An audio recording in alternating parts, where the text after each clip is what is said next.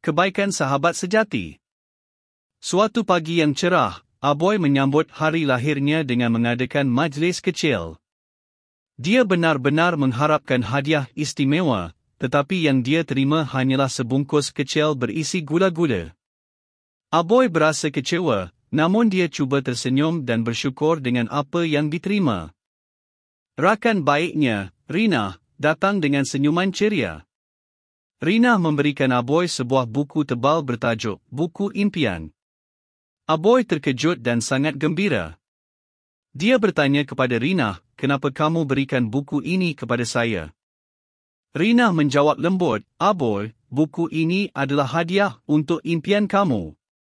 Sama seperti kawan sejati, saya mahu menyokong impian kamu dan membantu kamu berkembang menjadi seorang yang lebih baik. Aboy begitu terharu dengan perbuatan baik Rina.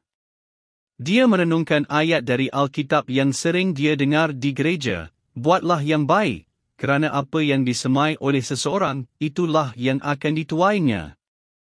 Galatia pasal 6 ayat 7 Aboy mula faham bahawa memberi dan menerima bukan hanya tentang fizikal, tetapi juga tentang kasih sayang dan sokongan. Mereka berdua duduk bersama membaca buku impian Aboy, merancang bagaimana mereka boleh merealisasikan impian itu bersama. Aboy dan Rina menjadi lebih rapat sebagai kawan, dan mereka sentiasa bersedia untuk membantu antara satu sama lain. Moral cerita ini ialah sahabat sejati adalah mereka yang sentiasa bersedia untuk memberi, menyokong dan memahami antara satu sama lain. Seperti yang diajar dalam Galatia pasal 6 ayat 7, apa yang kita semai, itulah yang akan kita tuai. Jadi marilah kita menanam kebaikan dan kasih sayang dalam hubungan kita dengan rakan-rakan kita.